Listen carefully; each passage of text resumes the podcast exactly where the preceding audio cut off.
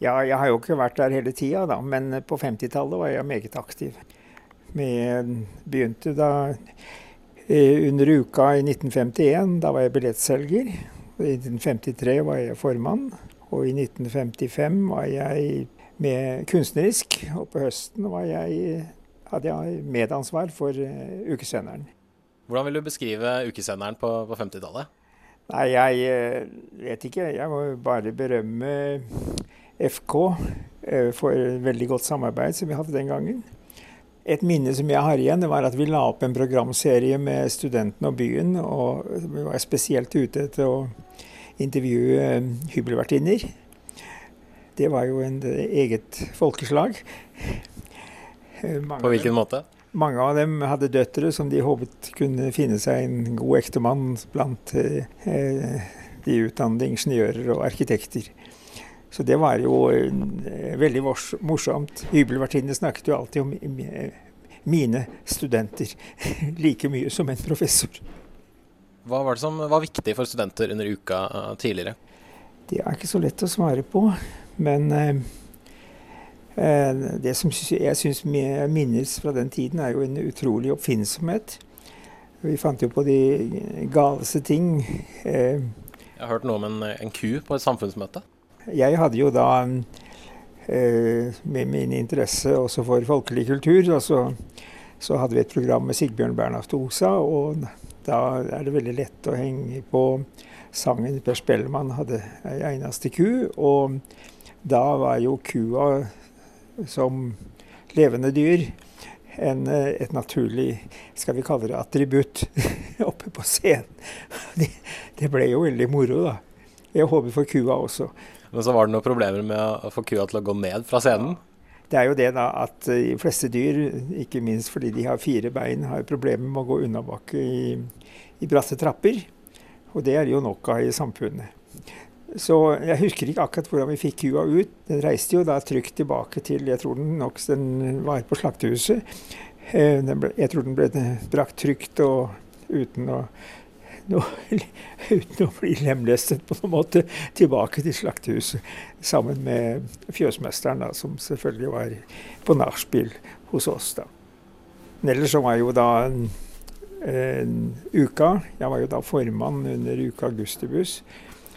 Og da kjørte vi med, starta opp tidlig om morgenen og, og kjørte med hest og vogn gjennom hele byen. og så må jeg, måtte jeg klatre opp på et uh, slags stativ og holde tale fra uh, et, et, stativ som var uh, like høyt som Olaf Tryggvason på torget. Plattformen som jeg sto på, den var da minnet litt om gamle Bybru. Og liksom for å gjøre det trygt for meg, så var det da det store rommet uten var dekket av gråpapir. Som om det Det ga antagelig en trygghetsfølelse, men langt fra en skikkelig trygghet. Jeg er sikker på at moderne HMS-begrepet, eh, så hadde mye av det vi gjorde, ikke, ikke blitt godtatt. Men vi overlevde. Uka tidligere, var det sånn som det er nå, at det var, var, det mye konserter og sånne ting, eller var det mer sånn mindre arrangementer som, som foregikk? Langt ifra sånn eh, omfattende som i dag. Det var mye mer, jeg vil kalle det mye mer intimt. Eh, og det var stort sett eh, eh, i Storsalen med og langt ifra noe telt oppe i Dødens dal og alt det vi ser nå i dag. Og mange ting sånn som f.eks. Ukehjelpen er ting de har funnet på siden. Jeg hadde forresten i eh, bistand av Ukehjelpen, og jeg syns det er strålende. Det er veldig morsomt å få et slikt besøk, og jeg tror også det var gjensidig. altså de Studenter syns jo det er ganske moro å komme i kontakt med med byfolk. Jeg, det virker for meg som det er ikke noe handikap å være gammel. Altså det, tvert imot. De syns, syns kanskje at, at, eh, jeg utfyller bildet på en, en, eller annen måte. Selv om vi snakker primært uka nå, så syns jeg du burde gi meg en sjanse til å fortelle om radarmøtet som jeg arrangerte. Ja, Sett i gang. ja. Nei, du skjønner, vi, eh, mitt styre i 1953 eh, Vi vi, tilhørte, vi var det første styret med en litt politisk farge, og vi hadde jo da en mer eller mindre sterk rødfarge. Da. Så vi, vi hadde jo da opplevd såkalte rammemøter. Som var med i tur og orden. Det var liksom middelalderen, og det var eventyrmøte og alt mulig rart. Og vi ville klemme til med et rallarmøte. Altså en heder til rallaren som, som type. Og uh, røff, uh, men uh, med en utpreget klassetilhørighet. Og, og kanskje utfordret jentene en god del. Da. Så vi, en gang i oktober 1953, da, så ble dette rallarmøtet arrangert. Eh, parolen var 'antrekk, slusk og taterjente'. Vi forberedte oss godt.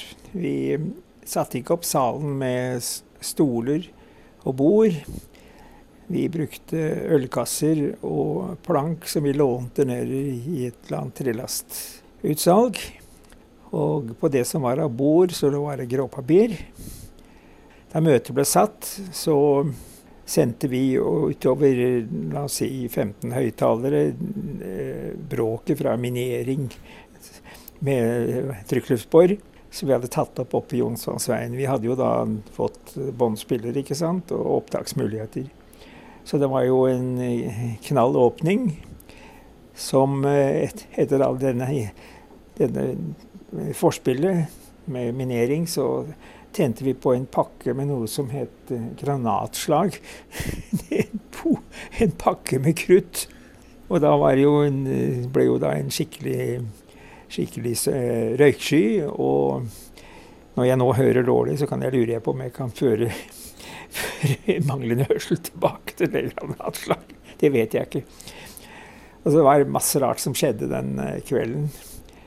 Da møtet ble satt, så satt folk og sang av full hals i salen. Og noen hadde med seg primus og kokte, eh, kokte vann og laget karsk altså på, på disse bordene. Og jeg husker selv at eh, da jeg skulle gripe ordet, så kommer det en løpende fram med en fenalår og skjærer av og gir til meg. da. Det, det, jeg, jeg, begynte jo da å ane at nå hadde vi i grunnen at dette her kunne gå over styr. Altså, jeg ble ganske ulykkelig. Og midt på, midt på natta kommer restauratøren hjem og ville ha tak i meg da, for å liksom stramme opp ting og rette kritikken mot rett person. Og da sa han at ja, nå går foredragsholderen på ski i storsalen, og stokkene står fast i parketten. Det var ikke sant, altså, men uh, dette sier jo litt om, om nivået, altså. Jeg tror ikke jeg opplevd eh, Jeg tror ikke jeg har opplevd en fest av slikt kaliber på, på Storsalen. Ingen andre heller, tror jeg.